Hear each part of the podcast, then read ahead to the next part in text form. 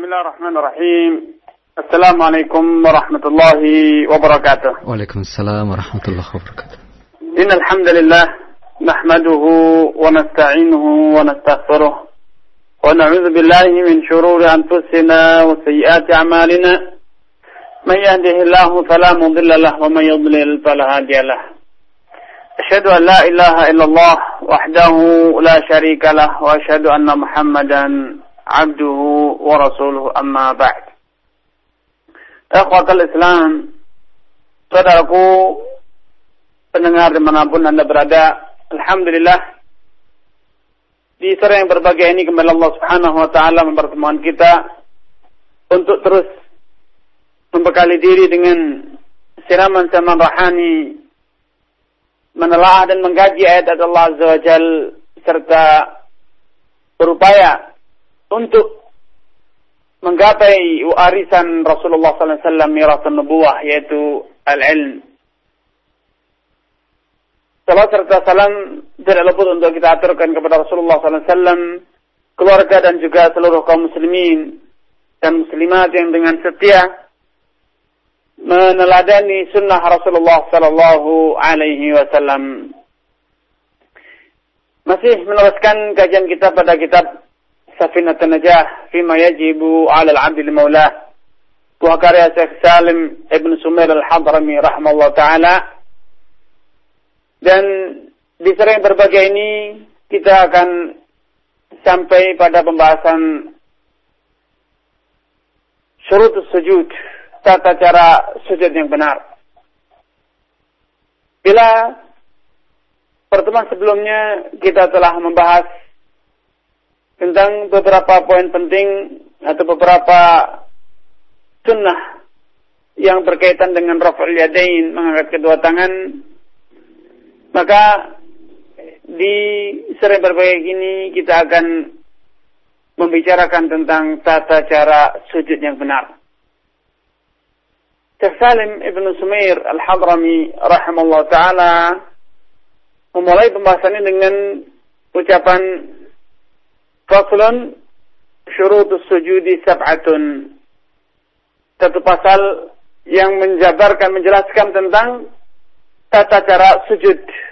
Menurutnya, syurutus sujud, syarat sahnya sujud atau sujud yang benar itu memiliki minimal tujuh persyaratan.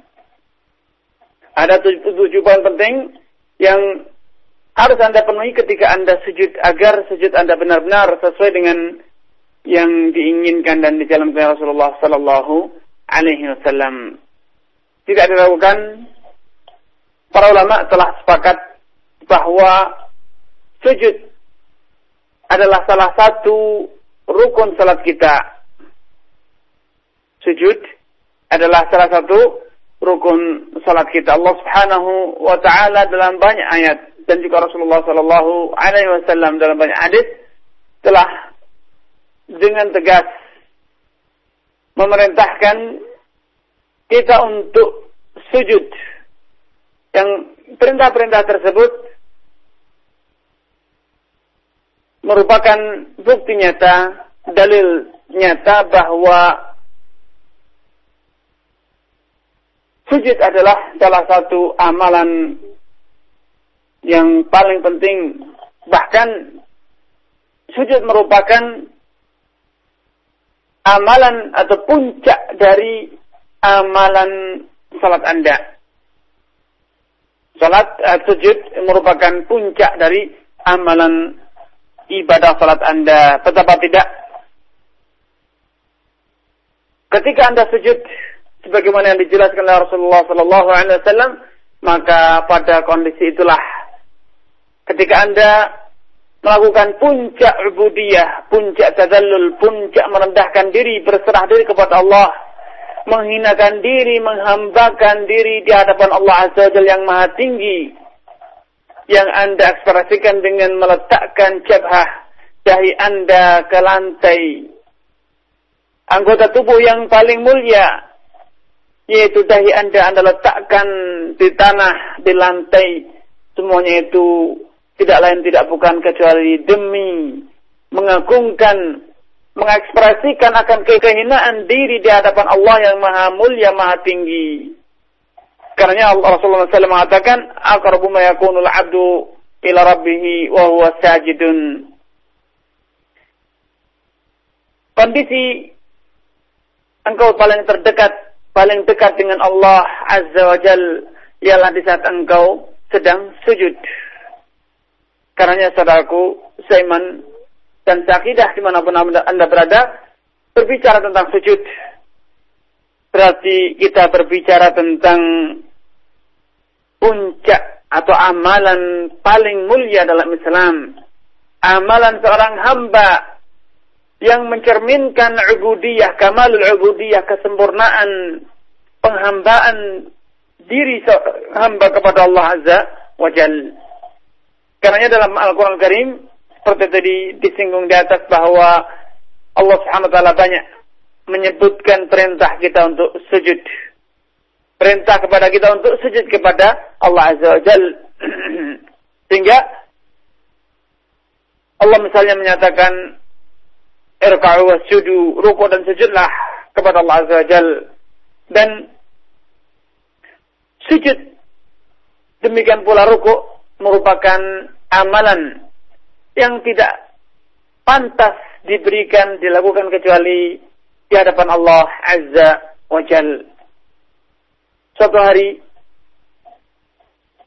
sahabat Mu'ad bin Jabal radhiyallahu taala anhu ketika beliau pulang dari negeri Syam, tiba-tiba beliau sujud di hadapan Rasulullah Sallallahu Alaihi Wasallam. Maka Rasulullah SAW terkejut dan terhentak melihat sikap sahabatnya ini sehingga beliau segera menegur dan mengusut, mengklarifikasi apa alasan dan tujuan Mu'az bin Jabal sujud kepadanya. Beliau mengatakan, Wahai Mu'az, mengapa engkau melakukan hal ini? Kemudian Mu'az bin Jabal radhiyallahu taala anhu menjelaskan alasan dan motivasi mengapa ia sujud. Dia mengatakan qadim tu syama Aku baru saja pulang dari negeri Syam. Fawajatu ahlaha dan aku dapatkan penduduk setempat di sana di negeri Syam yasjuduna li asakifatihim. Mereka ketika menghormati pendetanya, menghormati, mengekspresikan rasa pengagungan, rasa penghormatan kepada pendetanya para ulama mereka ahli pada mereka, orang-orang Syam yang notabene adalah ahlul kitab, Yahudi dan Nasrani, mereka menghormati, begitu menghormati ulama mereka dengan sampai-sampai mereka sujud di hadapan para ulama mereka, di hadapan para pendeta. Maka terbetiklah satu pemikiran, satu ide di hati Mu'adz bin Jabal radhiyallahu taala anhu. Kemudian dia mengatakan dalam hatinya bertekad bahwa bila ahli kitab menghormati pendeta sedemikian rupa, penghormatan ahli kitab kepada para ulama, pada ahli ibadah sedemikian besar sampai diungkapkan, diekspresikan dalam bentuk sujud. Tentu Rasulullah SAW yang tidak diragukan akan kemuliaannya lebih tinggi dibanding kemuliaan para pendeta, lebih layak untuk dihormati dengan cara bersujud. Maka tanpa pinggir panjang setiba Mu'az bin di kota Madinah di kampung halamannya. Mu'az radhiyallahu taala anhu segera menjalankan niat baiknya yaitu sujud kepada Rasulullah SAW sebagai ekspresi penghormatan bukan dalam rangka beribadah bukanlah dalam rangka ta'addud kepada Rasulullah SAW tidak akan tapi hanya sekedar ta'zim atau ihtiram penghormatan semata. Namun ternyata penghormatan dengan cara sujud ini di dalam Islam ternyata tidak dibenarkan sehingga Rasulullah SAW menjelaskan hal ini dengan sabdanya "Lau kuntu amiran ahadan an yasjuda li ahadin la amartul mar'ata an tasjuda li ba'liha." andai aku dibenarkan diizinkan untuk memerintahkan seseorang agar sujud kepada sesama manusia, niscaya yang aku perintahkan untuk sujud ialah kaum istri, para wanita untuk sujud kepada suaminya sebagai bukti betapa besarnya hak seorang suami atas istrinya. Namun apa boleh dikata bila ternyata Allah Subhanahu wa taala telah menggariskan bahwa sujud hanyalah dibenarkan hanyalah dibolehkan untuk kita lakukan kepada Allah Azza wa Jalla. Karena sujud yang merupakan puncak ubudiyah bahkan puncak daripada salat kita sudah sepantasnya untuk kita perhatikan sedemikian rupa sehingga kita benar-benar menjalankan sujud dan sujud kita benar-benar mencerminkan mencerminkan akan nilai-nilai ta'zim nilai-nilai pengagungan kita kepada Allah Azza wa Jal. Saudaraku seiman dan seakidah di mana pun anda berada. Syekh Salim Ibn Sumair Al-Hadrami di sini menyatakan bahwa syurutus sujudi sab'atun. Syarat sahnya sujud itu ada tujuh hal. Yang pertama, an yasjuda ala sab'ati a'ba' Hendaknya ketika sujud, syarat pertama Anda sujud dengan meletakkan tujuh anggota tubuh Anda ke lantai. Tujuh anggota tubuh Anda ke lantai. Hal ini berdasarkan sabda Rasulullah SAW sebagaimana yang diriwayatkan oleh sahabat Abdullah bin Abbas radhiyallahu taala anhuma Rasulullah bersabda, "Umirtu an asjuda ala sab'ati a'dhamin." Aku diperintahkan untuk sujud dengan meletakkan tujuh anggota tubuhku. Yang pertama, al-jabhah. Dahi wa asyara ala anfih. Ketika beliau sallallahu menyebutkan bahwa anggota tubuh pertama, tulang pertama yang harus diletakkan ketika sujud ialah dahi, beliau sambil mengisyaratkan dengan telunjuknya ke arah hidungnya sebagai isyarat pertanda bahwa hidung dan dahi keduanya sama-sama harus diletakkan ketika sujud. Hidung dan dahi dianggap sebagai anggota satu anggota tubuh yaitu yang mewakili wajah Anda. Selanjutnya yang kedua dan yang ketiga wal yadain kedua telapak tanganku warubbatain kedua lutut wa atrafal qadamain dan ujung-ujung kedua jari jemariku jemari uh, jari jemari kakiku ini tujuh anggota tubuh yang harus kita letakkan ketika sujud karenanya saudaraku seman dan sakidah coba anda Ingat-ingat kembali ketika Anda sujud. Mungkin Anda berkata, Alhamdulillah, ketujuh anggota tubuh uh, yang telah disebutkan di atas dalam hadis uh, riwayat Abdullah bin Abbas ini sudah saya letakkan ketika sujud. Namun bisa jadi ketika Anda koreksi ulang dengan seksama, sejatinya Anda hanya meletakkan lima anggota tubuh saja. Apa itu? Yaitu dahi bersama hidung kedua telapak tangan dan lutut sedangkan ujung-ujung kaki mengangkat. Betapa banyak orang yang ketika sujud kedua kakinya terangkat. Dan juga kadang sebagian orang ketika sujud ia sujud tidak sempurna bukan dengan sujud di atas e, tujuh anggota tubuhnya akan tapi hanya enam saja misalnya ketika dia sujud ia sambil garuk-garuk sehingga tangan satunya dia angkat sibuk dengan garuk-garuk atau yang lainnya. Tentu ini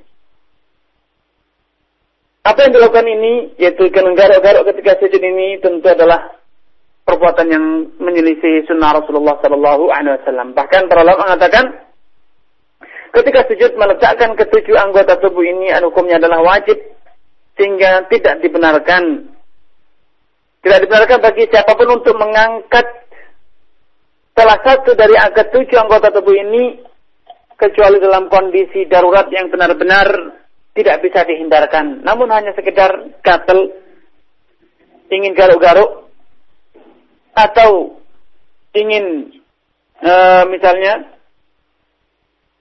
meluruskan atau membenahi posisi rambut misalnya, atau baju, atau ingin memungut sesuatu, tentu ini adalah alasan-alasan yang tidak cukup kuat untuk membenarkan Anda mengangkat salah satu tangan Anda. Karena dengan tegas di sini Rasulullah SAW menyatakan umir tu aku diperintahkan an ajuda ala sab'ati a'zum agar aku sujud di atas ketujuh anggota tubuh.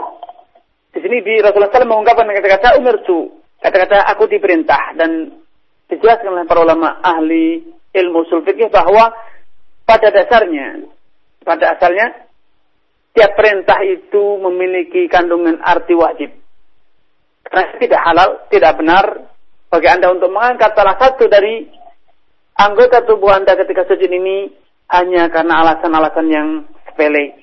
Garuk-garuk karena gatal, atau mengangkat, atau misalnya mematikan HP ketika berdering, atau yang lainnya. Tidak, tidak sepantasnya Anda mengangkat salah satu anggota tubuh Anda ketika sujud hanya karena alasan-alasan yang bisa ditindak semacam di atas. Di antara praktek yang sering juga terjadi ketika sujud, ialah sebagian orang ketika sujud hanya sujud di atas dahinya saja, sedangkan hidungnya tidak melekat, tidak melekat ke lantai. Tentu ini menyelisihi hadis Rasulullah SAW di atas. Karena Rasulullah SAW dengan jelas ketika beliau mengatakan anggota menyebutkan anggota tubuh pertama yang harus diletakkan ketika sujud beliau mengisyaratkan wa asyara biyadi al anfi. Beliau ketika menyebutkan dahi beliau juga mengisyaratkan ke hidungnya sebagai pertanda bahwa hidung pun atau hidung adalah bagian dari wajah yang harus diletakkan ketika sujud. Ini syarat pertama yaitu ketika Anda sujud benar-benar sujud di atas ketujuh anggota tubuh Anda. Selanjutnya, wa antakuna jabhatuhu maksyufatan. Syarat kedua, hendaknya dahi Anda benar-benar terbuka sehingga kulit dahi Anda benar-benar melekat ke lantai. Tidak sepantasnya ada tidak sepantasnya dalam madhab syafi'i dinyatakan tidak pantas sebagai seorang yang muslim bahkan tidak sah bila anda sujud sedangkan rambut anda menutupi dahi anda atau mungkin topi anda menutupi menghalangi dahi anda sehingga anda tidak melengkat ke lantai atau ada benda-benda lain yang menghalangi pakaian atau tangan anda yang menghalangi menjadi pemisah antara dahi dengan lantai. Demikian dinyatakan dalam Mazhab Syafi'i rahimallahu taala. Ulama-ulama Syafi'iyah dalam hal ini ketika mereka mewajibkan bahwa ketika sujud Anda harus benar-benar meletakkan dahi di lantai dan tidak boleh ada pemisah baik kain atau rambut atau yang lainnya mereka berdalil dengan berdalilkan dengan hadis Khabbab bin Arab radhiyallahu taala anhu Beliau mengisahkan bagaimana dahulu perihal para sahabat ketika mereka salat bersama Rasulullah sallallahu alaihi wasallam. Dikatakan syakauna ila Rasulillah sallallahu alaihi wasallam haram ba. Syakauna ila Rasulillah sallallahu alaihi wasallam haram ba'i fi jibahina wa akufina falam yushkina. Katanya, kami dahulu semasa Rasulullah SAW, terlebih ketika salat zuhur, kami mengeluh kepada Rasulullah SAW perihal panasnya lantai yang menjadi tempat kita sujud. Sehingga dahi kita, demikian juga telapak tangan kita merasakan betapa panasnya sengatan pasir yang telah sesiangan disinari oleh mentari terlebih di musim kemarau. Walau demikian, kalau para sahabat telah mengeluh, akan tapi ya Rasulullah SAW falam yuskina tidak menggubris keluhan kami.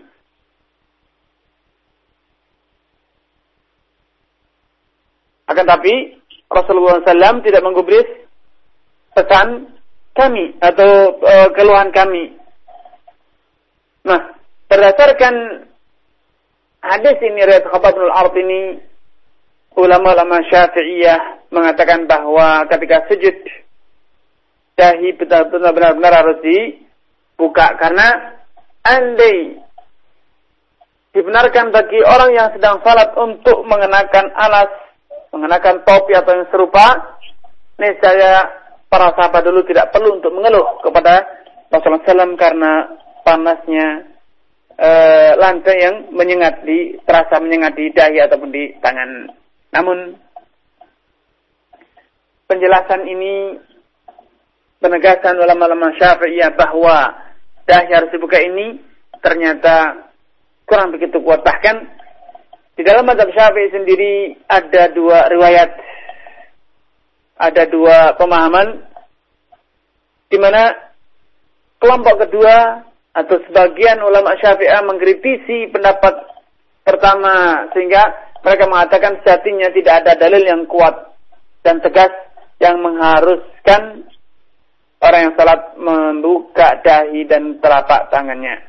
Bahkan Al-Hafidh Ibn Hajar al-Asqalani dalam kitabnya Talkhisul Habir dengan jelas mengkritisi pendapat ini dan bahkan beliau menguatkan bahwa sejatinya tidak mengapa tidak ada keharusan bagi orang salat untuk membuka dahinya ataupun telapak tangannya.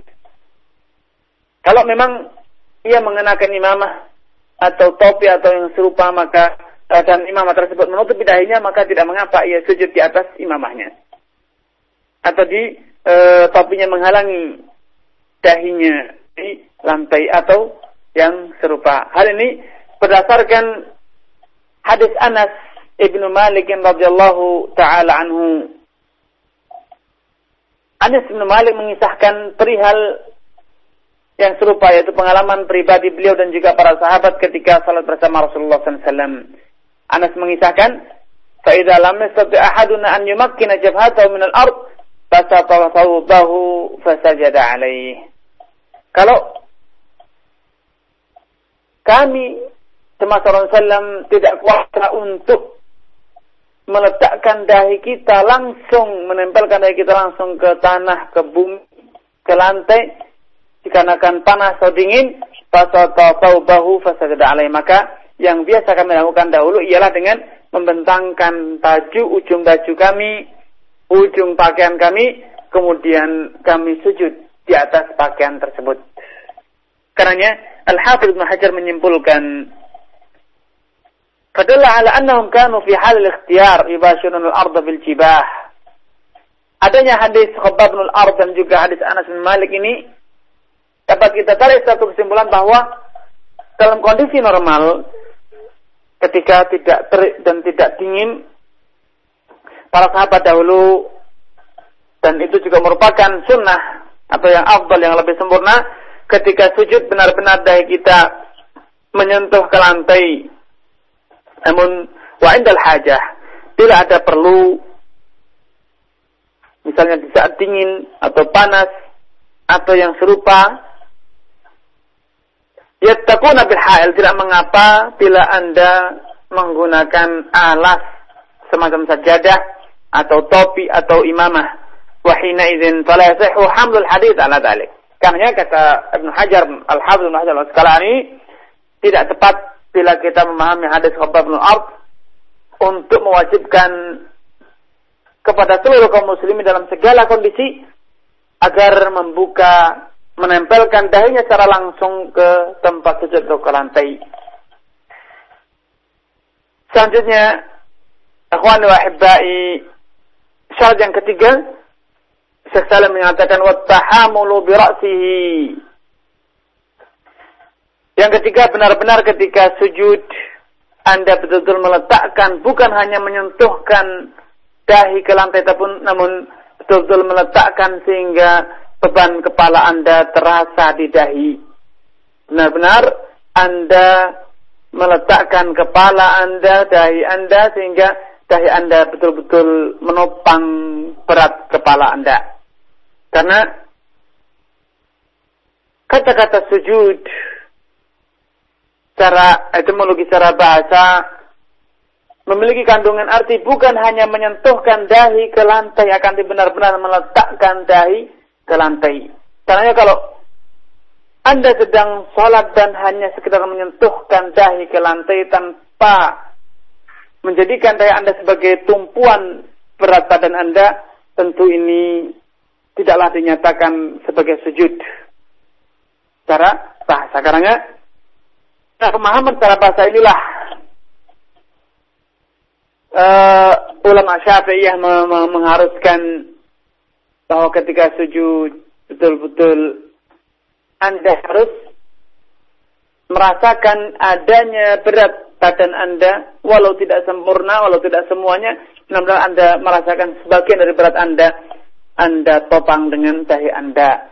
Ini berdasarkan tujuan dari sisi makna sujud. Kemudian Syarat yang keempat, wa adamul huwi li ghairihi. Ketika Anda sujud, betul-betul Anda sujud dengan niat sujud kepada Allah Azza wa Jal. Anda meletakkan dahi dengan niat ta'bud lillah, beribadah kepada Allah dengan amalan yang agung ini yaitu sujud. Sehingga ketika Anda meletakkan dahi betul-betul Anda meniatkannya sebagai ubudiyah, sujud bentuk peribadatan kepada Allah yang diekspresikan, dibuktikan atau diamalkan dalam bentuk sujud. Bukan karena tidak sengaja misalnya tersungkur. Ketika misalnya Anda tersungkur misalnya sehingga tersungkur dalam keadaan sujud, maka walaupun secara lahir Anda menjalankan sujud akan tapi karena tidak disertai dengan niat, maka amalan tersebut belum dianggap sebagai sujud. Ini syarat yang keempat.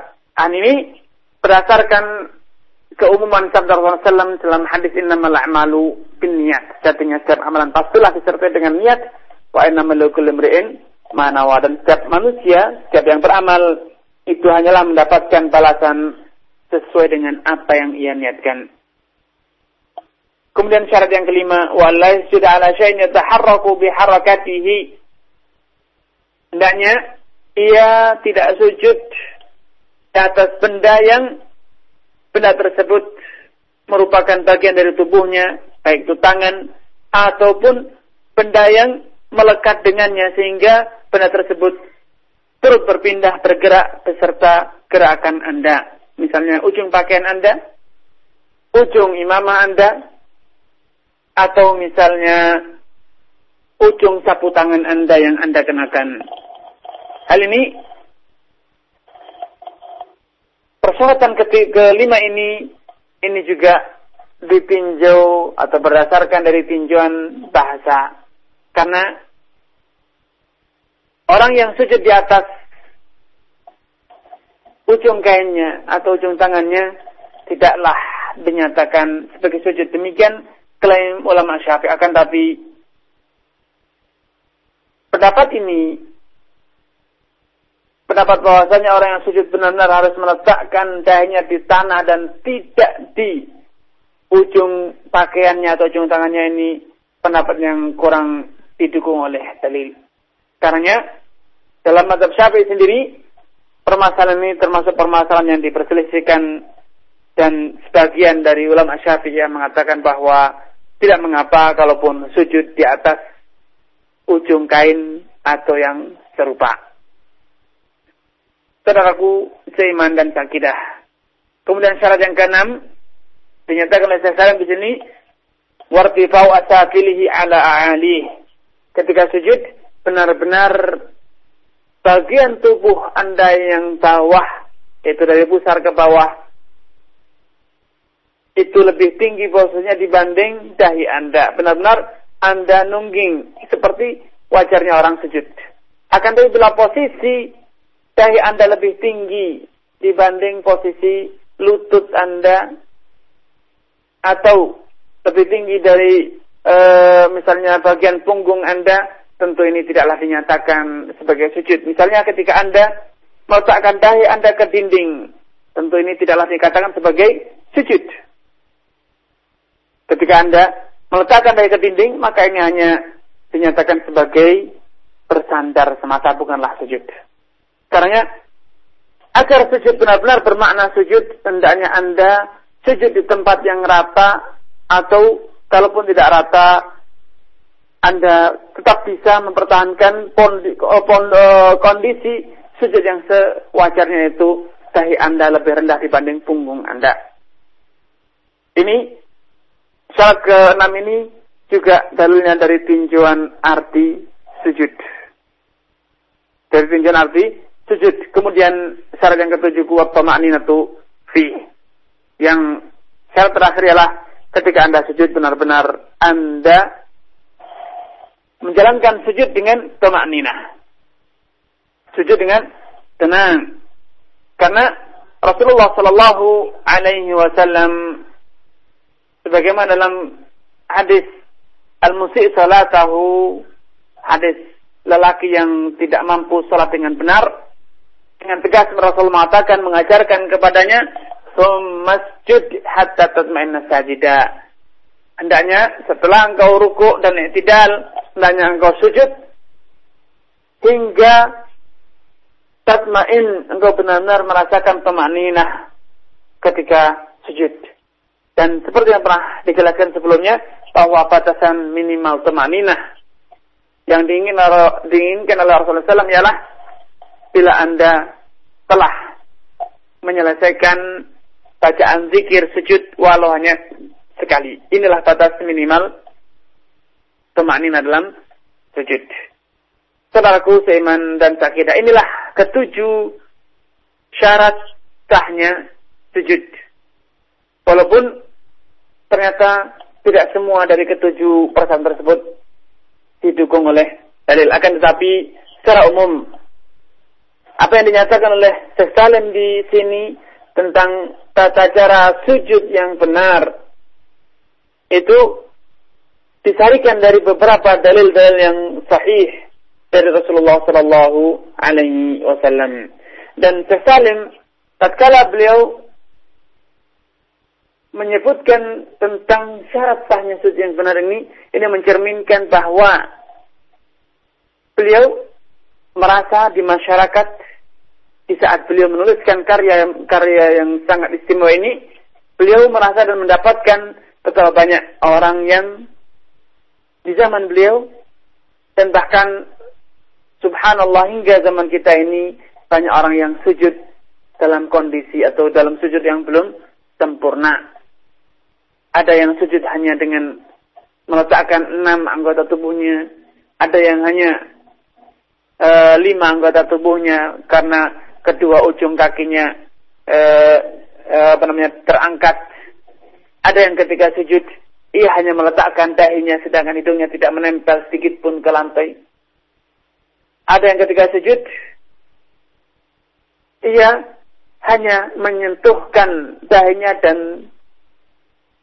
tidak meletakkannya di lantai. Ia hanya menyentuh dan kemudian segera bangkit. Ini tentu tidak bisa dinyatakan sebagai sujud karena itu hanya sekedar menyentuhkan dahi dan bukanlah sujud.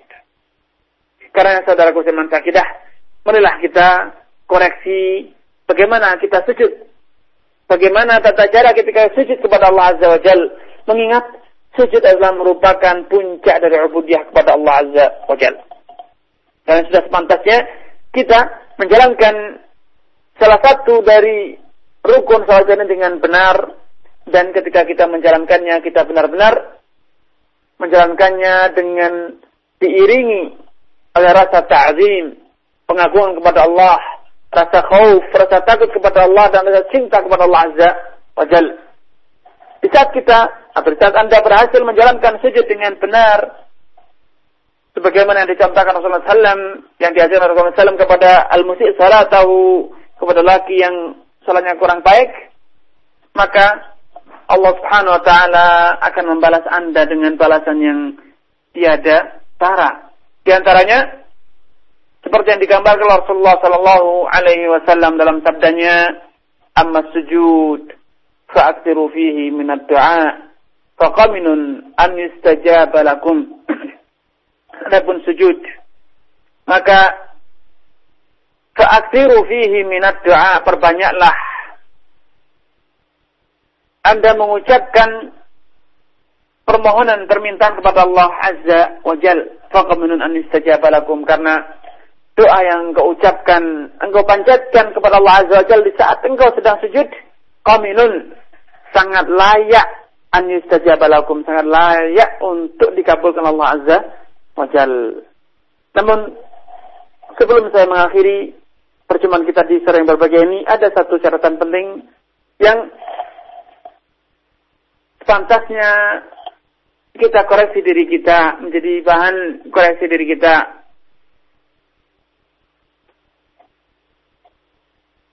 Kita dapatkan di masyarakat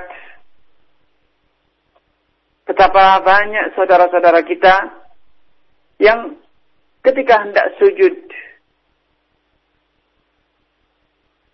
ia seakan-akan merasakan bahwa sujud itu merupakan beban. Sehingga lihatlah bagaimana banyak dari kita merasa enggan untuk sujud langsung di lantai masjid bahkan secara spesial ia menyiapkan sajadah kecil. Ia perkenalkan ia merasa terhina. Ia merasa terhina dengan meletakkan dahinya di lantai. Sehingga karena terpaksa tidak ada pilihan baginya untuk tidak meletakkan maka ia persiapkan sedemikian rupa, ia bersihkan sedemikian rupa. Agar dahi yang ia letakkan di lantai ini benar-benar tidak terlantai sedikit pun, tidak terkotori sedikit pun. Oleh debu atau lantai yang pada lantainya sudah dipel, lantainya sudah mengenakan alas berkarpet dan yang seterusnya. Akan tapi subhanallah masih banyak saudara-saudara kita yang merasa risih untuk meletakkan dahinya di lantai masjid Tentu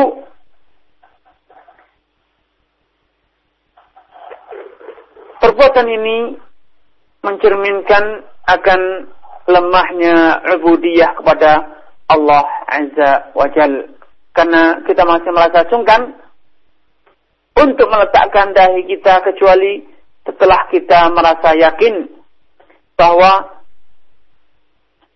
kita benar-benar ketika meletakkan dahi kita benar-benar meletakkan di tempat yang bersih, tidak ada sedikit pun debu atau tanah atau yang lainnya. Masih ada rasa risih ketika kita hendak meletakkan dahi kita di lantai, subhanallah. Adanya rasa risih ini tentu cerminan akan lemahnya ubudiyah, ta'zim kita kepada Allah Azza wa Jal. Masih ada rasa keangkuhan dalam jiwa kita, sehingga kita merasa terhina ketika kita meletakkan diri kita di lantai padahal sejatinya tidak. Jadinya sadarilah saudaraku teman kita bahwa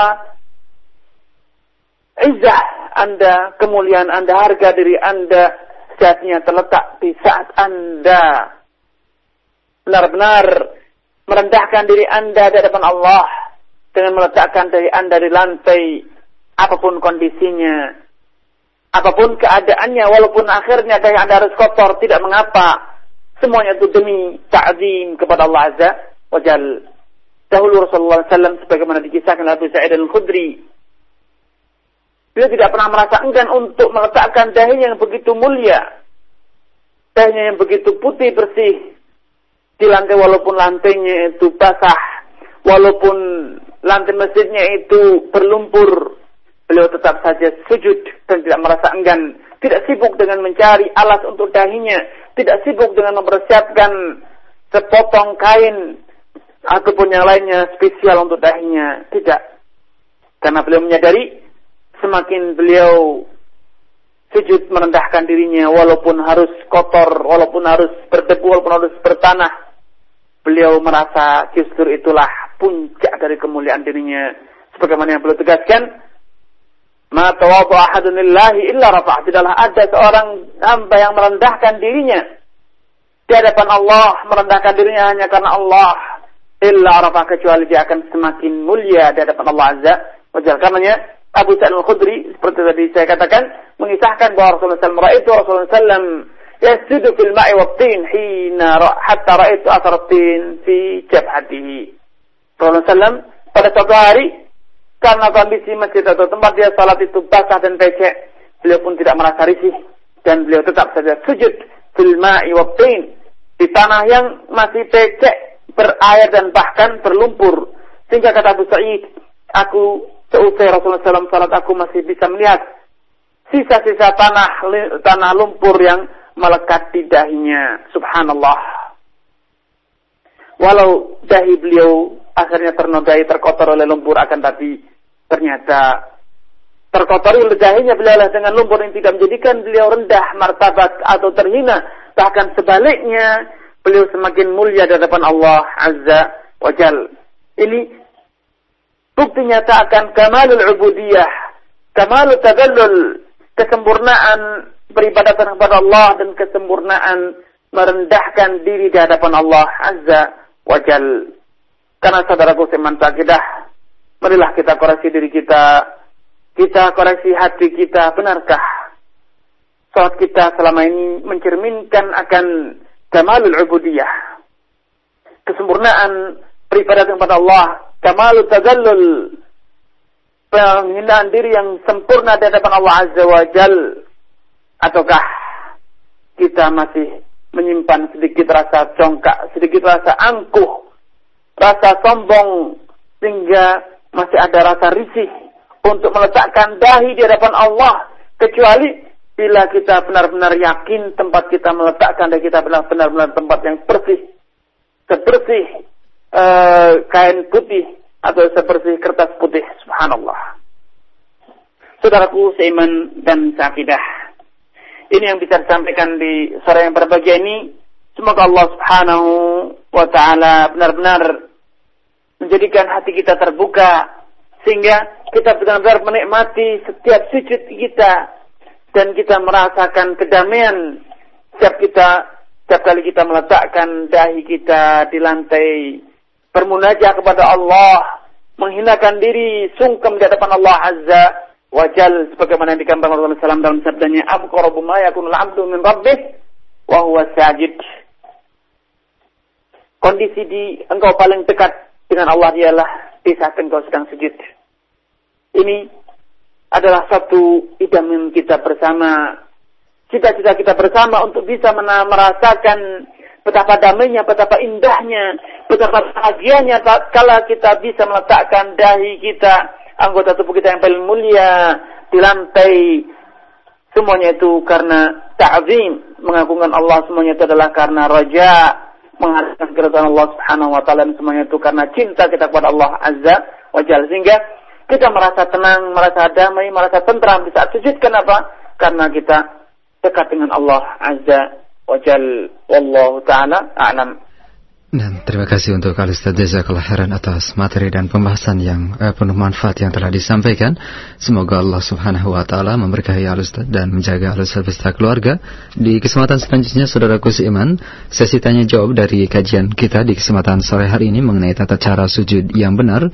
Kami akan buka kesempatan untuk Anda yang akan bertanya via telepon 0218236543 atau melalui pesan singkat di 0819896543. Kami angkat pertanyaan dari pendengar yang pertama via pesan singkat Ustaz dari Bapak Joko di Jakarta yang bertanya, Ya Ustaz, eh, saya sering sekali melihat eh, banyak di antara saudara-saudara kita, khususnya yang sudah eh, ikut pengajian, melakukan sujud dengan memanjangkan badannya, sehingga hampir menyerupai orang yang melakukan push up. Apakah hal ini benar Ustaz? Mohon penjelasannya. Uh, terima kasih pertama kali saya ucapkan kepada Bapak Joko dari Jakarta. Semoga Allah Subhanahu wa taala senantiasa melimpahkan taufik hidayah kepada Bapak Joko dan keluarga atas kerendahan hati Bapak menemani kita di sore hari yang berbahagia ini. Saudaraku seiman dan seakidah, dahulu Rasulullah Shallallahu Alaihi Wasallam ketika sujud, beliau sujud dengan i'tidal dengan kondisi yang sedang-sedang saja. Tidak terlalu menjulurkan badannya ke depan, akan tetapi beliau sujud dengan cara yang sewajarnya itu dengan cara paha dia tegak.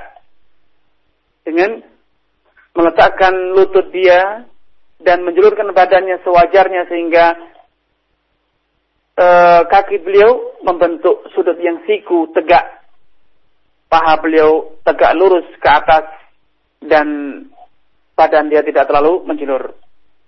Adapun yang dilakukan oleh sebagian orang dengan sujud terlalu jauh, tentu ini termasuk takalluf atau termasuk mubalaghah yang tidak sewajarnya, tidak sepantasnya dan itu tidak tentu tidak sesuai dengan sunnah Rasulullah Sallallahu Alaihi Wasallam.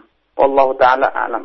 Baik, terima kasih Ustaz Zakal Heran. Di kesempatan kedua ada pendengar kita Bapak Hidayat di Bogor yang bertanya, "Ya Ustaz, apakah uh, doa ketika kita sujud boleh kita lakukan di setiap uh, rokaat di, di setiap sujud kita di setiap rokaat atau hanya disunahkan uh, untuk di rokaat yang terakhir?" Terima kasih Ustaz.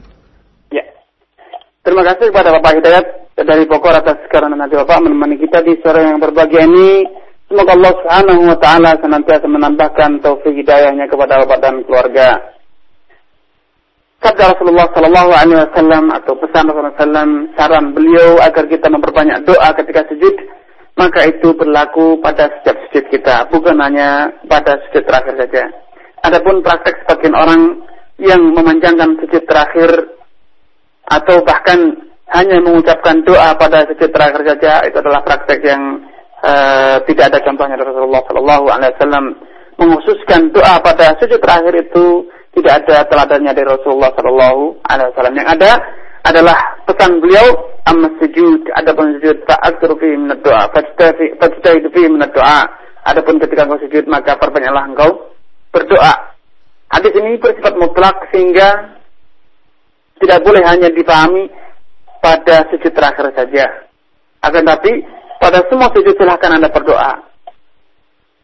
Kemudian poin selanjutnya yang ingin saya tekan uh, sini membiasakan diri untuk berdoa hanya pada sujud terakhir ini perlu diwaspadai karena bisa jadi itu nanti menimbulkan kesan yang tidak baik terutama pada putra putri kita yang mereka tentu akan meneladani tata cara salat kita sebagai orang tua atau murid-murid kita yang tentu akan meladani e, praktek sholat gurunya atau masyarakat lain yang mungkin mengamati dan ingin meniru sholat kita.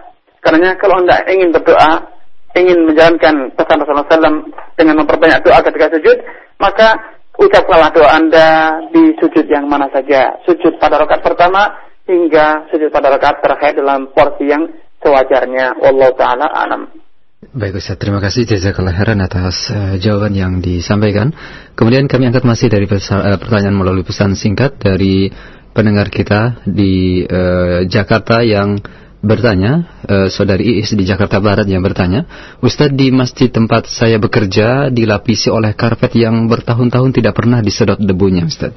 Sedangkan saya seorang yang alergi debu, baik uh, uh, bi, uh, yang akan bisa menyebabkan bersin-bersin dan gatal-gatal di wajah yang sangat mengganggu jika langsung terkena oleh debu.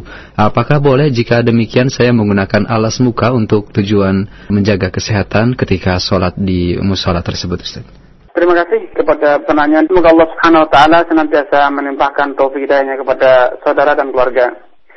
Bila kondisinya seperti yang saudara sebutkan bahwa karena debu yang e, mengganggu tahu karpet yang tidak e, selama tidak dibersihkan mengganggu Anda baik secara kesehatan ataupun kekhusyuan salat Anda misalnya bau yang tidak sedap maka tidak mengapa bila Anda e, mendatangkan sajadah khusus alat sendiri, insya Allah tidak mengapa demi tercapainya sholat yang lebih khusyuk dan e, terhindarkannya anda dari gangguan kesehatan yang tentu itu tidak diinginkan dalam syariat Islam. Islam tidak ingin, tidak menginginkan bila ada umatnya yang menderita sakit Allah Taala alam. Baik Ustaz, terima kasih. Dan selanjutnya ada pertanyaan yang datang dari pendengar kita melalui telepon. Sudah ada Bapak Bu Fauzan di Pondok Kelapa. Silakan Pak. Assalamualaikum warahmatullahi. Waalaikumsalam warahmatullahi wabarakatuh. Saya ingin uh, minta ini Pak Ustaz, uh, pendapat penjelasan Pak Ustaz, uh, karena ada hadis ya, kita menunggu waktu dari waktu ke waktu yang lain itu ada keutamaannya, misalnya maghrib, isya atau yang lainnya. Sementara juga ada uh, hadis yang menyebutkan bahwa sholat sunnah kita lebih utama di rumah. Uh, bagaimana kita menanggapi kedua hadis ini Pak Ustaz? Mohon penjelasan. Baik. Ya. Terima kasih Pak Enam. Waalaikumsalam warahmatullahi wabarakatuh. warahmatullahi wabarakatuh. Terima kasih kepada Bapak Fauzan dari Pondok Kelapa atas kerendahan hati. Uh, Bapak menemani kita di sore yang berbahagia ini. Hadis yang Bapak sampaikan tadi yang menjelaskan tentang keutamaan menunggu sholat dari sholat pertama ke sholat selanjutnya. Misalnya sholat maghrib menanti sholat isya, sholat isya menanti subuh, subuh menanti zuhur, zuhur menanti asar, asar menanti maghrib. Itu adalah satu hal yang dianjurkan oleh Rasulullah SAW bahkan mendapatkan utama tersendiri seperti yang dijabarkan Rasulullah SAW Wantizar salat ba'da salat fadzalikum ribat fadzalikum ribat katanya di antara amalan yang akan dijadikan Allah Subhanahu wa taala sebagai penghapus dosa dan pengangkat derajat Anda di hari kiamat ialah menantikan salat satu ke salat selanjutnya. Bahkan menantikan salat ini dihukumi atau mendapatkan keutamaan fadilah pahala bagaikan berjaga-jaga di benteng pertahanan umat Islam. Nah, memahami hadis ini tentu kita tidak boleh lepas, tidak menggunakan, tidak boleh menggunakan perasaan kita sendiri, akan tapi bagiannya kita merujuk penjelasan para ulama. Para ulama telah menjelaskan bahwa maksud menanti salat itu bukan berarti kita duduk hanya di masjid saja. Bahkan kalaupun kita di rumah pun, namun hati kita tetap mengingat salat. Kita memposisikan diri, menyiapkan diri, bahkan merencanakan mengatur aktivitas kita sesuai dengan jadwal sholat kita. Sehingga misalnya kita ingin ke kantor, kita sudah menyiapkan kantor kita akan tutup, toko kita akan tutup sebelum sholat 5 menit atau 10 menit sebelum azan seperempat jam misalnya. Ini sudah bisa dikategorikan sebagai intizar salah menantikan sholat. Setelah Anda mempersiapkan, menyesuaikan kegiatan Anda, aktivitas Anda, agar bisa sholat berjamaah di masjid ini masuk dari bagian intizar sholat menantikan sholat dan bukan menantikan sholat itu bukan hanya sekedar duduk di masjid saja. Salmi selaras dengan sabda Rasulullah SAW dalam hadis lain bahwasanya akan ada tujuh orang yang kelak di hari kiamat akan dinaungi di bawah arash Allah Azza wa Jal di saat tidak ada naungan selain naungan Allah Azza wa Jal. Salah satu dari ketujuh orang tersebut ialah warajulun qalbu mu'allakun bil masajid idha kharaja minhu hatta ya'udai. Ada yaitu golongan yang salah satunya ialah golongan orang yang hatinya itu senantiasa nyangkut di masjid, hatinya itu senantiasa merindukan masjid sehingga ketika dia keluar dari masjid, hatinya itu terus terpakai oleh rasa rindu kepada masjid hingga ia itu kembali lagi ke masjid. Ini adalah bentuk dari intizar salah, menantikan salat. Sehingga tidak ada pertentangan antara hadis ini dengan hadis yang menjelaskan tentang afdal salatul mar'i di baitihi lal maktubah. Salat yang paling utama ialah salat yang Anda kerjakan di rumah kecuali salat yang fardu, salat yang wajib. Sehingga kedua amalan tersebut, dua hadis tersebut bisa disinkronkan dan alhamdulillah tidak ada pertentangan sedikit pun Allah taala alam. Nah, terima kasih Ustaz atas jawabannya. Di kesempatan kedua dari telepon kita angkat kembali. Ada Bapak Sofwan di Jakarta Timur. Silakan, Pak. Assalamualaikum. Waalaikumsalam warahmatullahi wabarakatuh. Silakan Bapak. Subhanallah Ustaz pembahasan antum mengenai sujud ini mengenai penghambaan kepada Allah. Di sini sangat terasa sekali yang mana kalau kita pakai karpet dengan tidak pakai karpet. Nah, di sini di masyarakat sendiri masjid kita itu untuk sujud itu e, tidak diperhatikan sekali sehingga hmm. kita sholat sunat itu komatnya cepat sekali. Kalau yeah. kita sujud lama tidak kemudian. Bagaimana menurut Ustaz sebaiknya masjid-masjid ini apakah pakai karpet atau tidak pakai karpet untuk penghambaan kita kepada Allah untuk mencapai kemuliaan? Jazakallahu khairan. Assalamualaikum oh, iya. warahmatullahi wabarakatuh. Nah, terima kasih Bapak. Waalaikumsalam warahmatullahi wabarakatuh. Terima kasih atas pertanyaannya. Silakan Ustaz. Nah, terima kasih kepada Bapak Sufyan dari Jakarta Timur ya, yang menanyakan tentang apakah masjid itu lebih baik pakai karpet atau tidak. Dalam hal ini tidak ada masalah memakai karpet ataupun tidak. lantai bertanah atau lantai bermarmer atau menggunakan keramik atau yang lainnya itu sah-sah saja tidak ada masalah karena dahulu Rasulullah SAW walaupun masjidnya itu adalah beralaskan tanah langsung pasir langsung akan tapi dalam beberapa kesempatan beliau sholat ketika di rumah dan juga di rumah sebagian sahabatnya sholat di atas tikar ini menggambarkan bahwa mengenakan tikar karpet atau langsung dengan tanah atau marmer atau yang lainnya itu tidak masalah karena yang lebih penting ialah terletak pada bagaimanakah kondisi hati Anda ketika Anda hendak sujud di hadapan Allah Azza wa Jalla. Nilai-nilai ta'zim, nilai-nilai ubudiyah, pengagungan Allah, peribadatan kepada Allah yang ada dalam hati Anda inilah yang lebih penting. Sehingga nilai-nilai tersebut biasanya akan tercermin dalam praktek lahir. Ketika Anda merasa risih, ketika sujud di tempat yang kotor, atau sujud di tempat yang berdebu, padahal Anda tidak terganggu, tidak merasa gatal, tidak alergi atau yang lain, tapi Anda merasa risih, merasa jijik atau yang lainnya, merasa terhina ketika sholat di masjid yang kumuh misalnya, atau yang kotor karena masjidnya tidak ada yang merawat misalnya, ini cerminan bahwasanya adanya nilai-nilai ubudiyah yang masih lemah. Kondisi tempat yang misalnya menurut banyak orang kurang kondusif, akhirnya menjadikan kita risih untuk sujud. Padahal tadi telah dijelaskan bagaimana Rasulullah SAW tidak merasa sungkan untuk sujud di tempat yang becek sekalipun. Kenapa?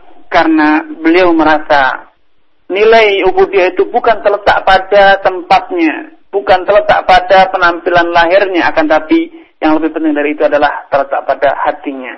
Sehingga ketika hati beliau benar-benar mengagungkan Allah Subhanahu wa taala, maka beliau mengorbankan segala sesuatu demi tercapainya ubudiyah pada Allah. Jika ketika beliau dihadapkan pada fakta bahwa tempat beliau harus sholat masjid misalnya becek karena hujan, maka beliau tidak merasa sungkan untuk sujud di tempat tersebut. Walaupun tidak menjadi e, alasan untuk kita melarang bagi saudara-saudara kita untuk membangun masjid dengan bagus, bersih, itu tidak masalah. Itu juga baik-baik saja namun jangan sampai uh, semangat kita untuk membersihkan masjid, menjaga masjid, menyapu masjid, kemudian menjadikan nilai-nilai budaya itu menjadi luntur. Hingga ketika kita harus berhadapan atau jika dihadapkan di kondisi yang kurang mendukung, misalnya karena tempatnya kotor atau tempat sujudnya becek atau basah, mungkin kita malah menunda sholat atau bahkan mungkin sholat namun hati kita hanya separuh karena rasa cicik, rasa sungkan, rasa risih dan lain sebagainya. Karena sekali lagi saya tekankan nilai ibadah itu lebih ditekankan pada apa yang ada dalam hati Anda bukan hanya sekedar apa yang di lahirnya. Sehingga tidak masalah kalaupun masjid itu bersih. Namun bersihnya masjid jangan sampai menjadikan nilai ubudiyah dalam hati kita ini luntur. Hanya karena kita terbiasa sholat di masjid yang bersih, akhirnya kita merasa terhina ketika kita terpaksa harus sholat di tempat yang kotor ataupun tempat yang tidak seperti yang biasa kita uh, gunakan. Allah Ta'ala alam. Baik Ustaz, terima kasih jazakallah khairan atas jawaban yang Ustaz sampaikan. Kami angkat pertanyaan yang datang dari beberapa pertanyaan melalui pesan singkat Ustaz yang berkaitan uh, mengenai uh, doa di dalam sujud secara khusus. Uh, ada pertanyaan dari Abu Hafiyah di Jakarta, kemudian uh, saudara Dian di Kemayoran yang bertanya tentang bagaimanakah hukum apabila kita berdoa dengan menggunakan bahasa Indonesia di dalam sujud-sujud kita.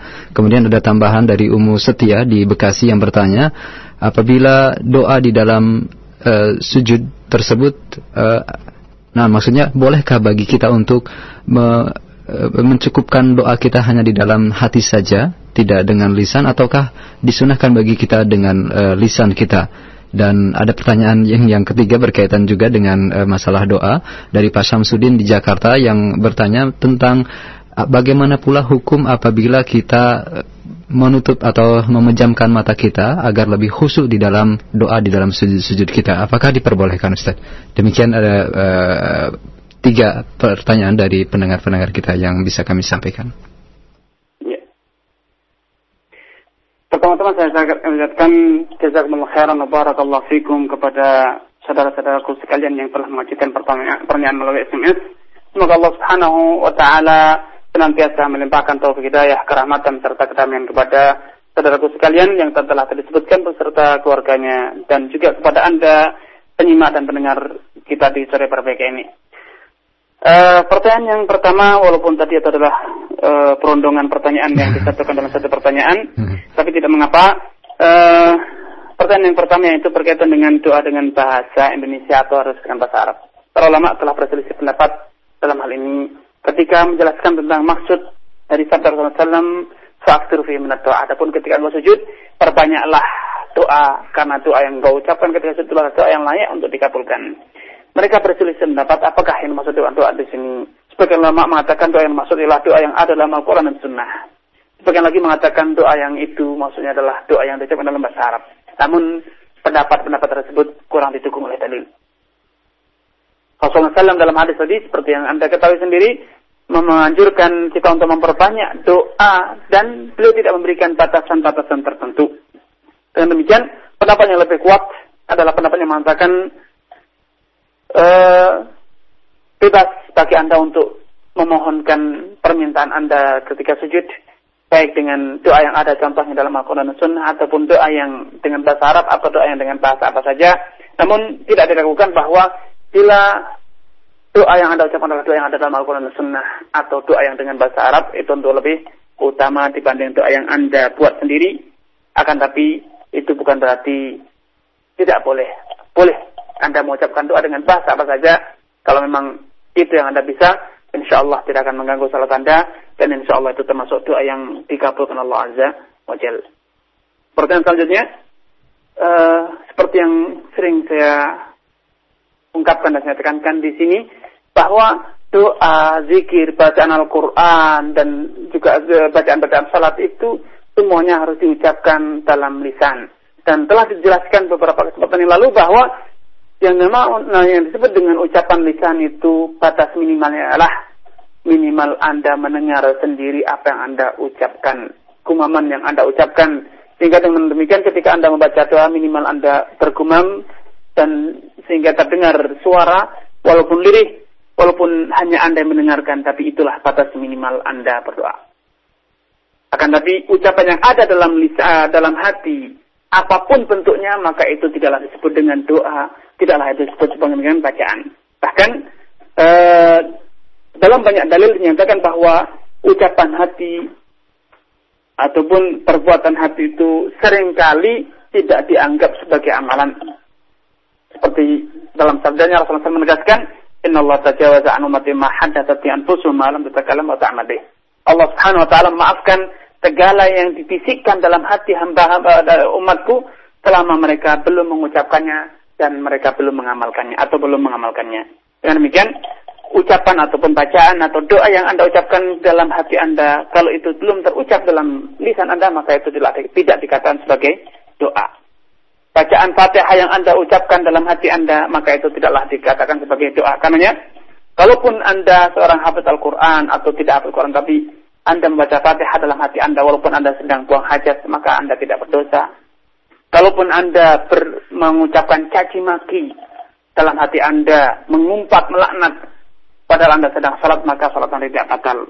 Sebagaimana halnya, bagaimana sebaliknya ketika Anda salat, walaupun Anda membaca Fatihah dengan fasih, tapi itu ternyata hanya di hati Anda, tidak sampai keluar dalam lisan Anda, maka itu bukanlah sebagai bacaan, sehingga salat Anda tidak sah. Karena para ulama telah menjelaskan bahwa amalan itu ada tiga amalan hati dan amalan lisan serta amalan anggota badan. Dan dalam salat ketika hal itu harus ada amalan hati Anda yang terangkum dalam niat dan amalan lisan yang terangkum dalam bacaan dan doa dan amalan anggota badan yang ter, uh, terwujud dalam bentuk gerakan-gerakan salat Anda ruku, sujud dan lain sebagainya. Pertanyaan selanjutnya uh, yaitu yang berkaitan dengan memejamkan mata ketika sujud agar lebih khusyuk. Para ulama telah menjelaskan bahwa sejatinya makruh memejamkan mata ketika sujud. Bahkan ketika sholat secara umum. Secara umum dimakruhkan memejamkan mata. Akan tetapi bila ada kondisi-kondisi tertentu yang menjadikan Anda terganggu ketika sholat, maka tidak mengapa ada keringanan Anda untuk uh, apa namanya membuka uh, menutup mata Anda memecahkan mata misalnya banyak orang yang berseliweran terlalu lalang atau di depan Anda banyak lukisan-lukisan yang menjadikan Anda uh, lalai, maka tidak mengapa Anda memecahkan mata. Tapi bila kondisi kondusif tidak ada yang menjadikan Anda lalai, maka makruh hukumnya Anda memanjamkan mata. Karena dahulu Rasulullah Shallallahu Alaihi Wasallam pada suatu hari pernah mengenakan pakaian yang bergaris-garis.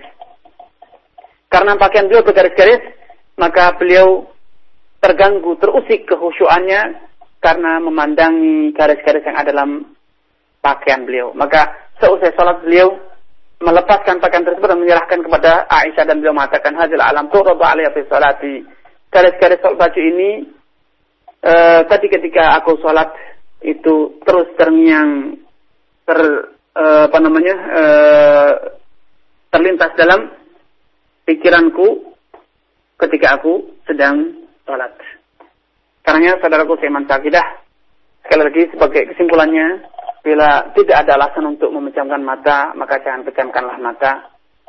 Kecuali kalau ada alasan yang dibenarkan, misalnya ada hal yang mengganggu dapat mengurangi kehusuan Anda. Tapi kalau tidak ada, maka tidak sepantasnya Anda memejamkan mata. Bukalah mata Anda dan upayakan Anda untuk tetap bisa konsentrasi khusyuk dalam salat Anda wallahu taala a'lam. Nah, Ustaz, uh, pertanyaan dari beberapa penanya tadi yang uh, berkaitan menutup perjumpaan kita untuk di kesempatan sore hari ini Ustaz. Kami mengucapkan terima kasih jazakallah khairan atas materi dan jawaban yang telah Ustaz sampaikan dari pertanyaan yang dapat kami ajukan. Untuk menutup perjumpaan kita mungkin ada hal yang akan disampaikan silakan Ustaz. Ya. Akhwani wa ahibbai pendengar di mana pun Anda berada sujud seperti tadi saya ungkapkan itu adalah puncak dari ubudiyah peribadatan kita kepada Allah Azza wa Jal. Karenanya berbahagialah setiap kali Anda mendapatkan kesempatan untuk meletakkan dahi Anda di lantai menghadap kepada Allah Azza wa Jal karena dengan amal inilah Anda akan ditinggikan derajatnya di sisi Allah Subhanahu wa taala. Dengan cara inilah Anda akan diangkat derajat Anda di sisi Allah Azza wa Jalla. Sekarangnya jangan pernah ada rasa rusungkan, ada rasa sedih atau rasa uh, tidak nyaman ketika Anda harus meletakkan dahi Anda di hadapan Allah Azza wa Jalla. Percayalah bahwa sujud Anda di hadapan Allah Subhanahu wa taala walaupun harus dahi Anda kotor, walaupun harus dahi Anda berdebu, tidak sepantasnya itu Anda merasa ringgih. Percayalah bahwa itu justru malah menjadikan Anda semakin mulia di hadapan Allah dan juga mulia di hadapan manusia. Saudaraku seiman dan sakidah sujud. Itu merupakan satu amalan yang iblis merasa iri kepada umat manusia. Sujudlah yang menjadikan iblis terusir dari surga. Sujudlah yang menjadikan iblis mengubarkan permusuhan, permusuhan kepada umat manusia. Karena sujudlah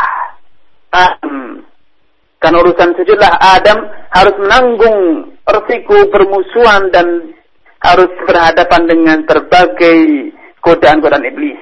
Karena yang saudaraku seman sakidah disebutkan dalam beberapa riwayat bahwasanya tatkala kaum muslimin membaca ayat sajadah melalui ayat-ayat sajadah yang ada dalam Al-Quran dan ia sujud maka kala itu iblis pun menangis.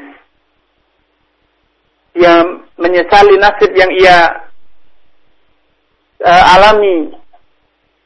Umi Robnu Adam disujud fasajad manusia diperintahkan untuk sujud dan mereka sujud. Jangan aku diperintahkan sujud dan aku tidak sujud.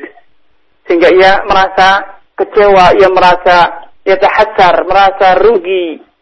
Menyesali apa yang pernah ia lakukan. Namun apa boleh dikata?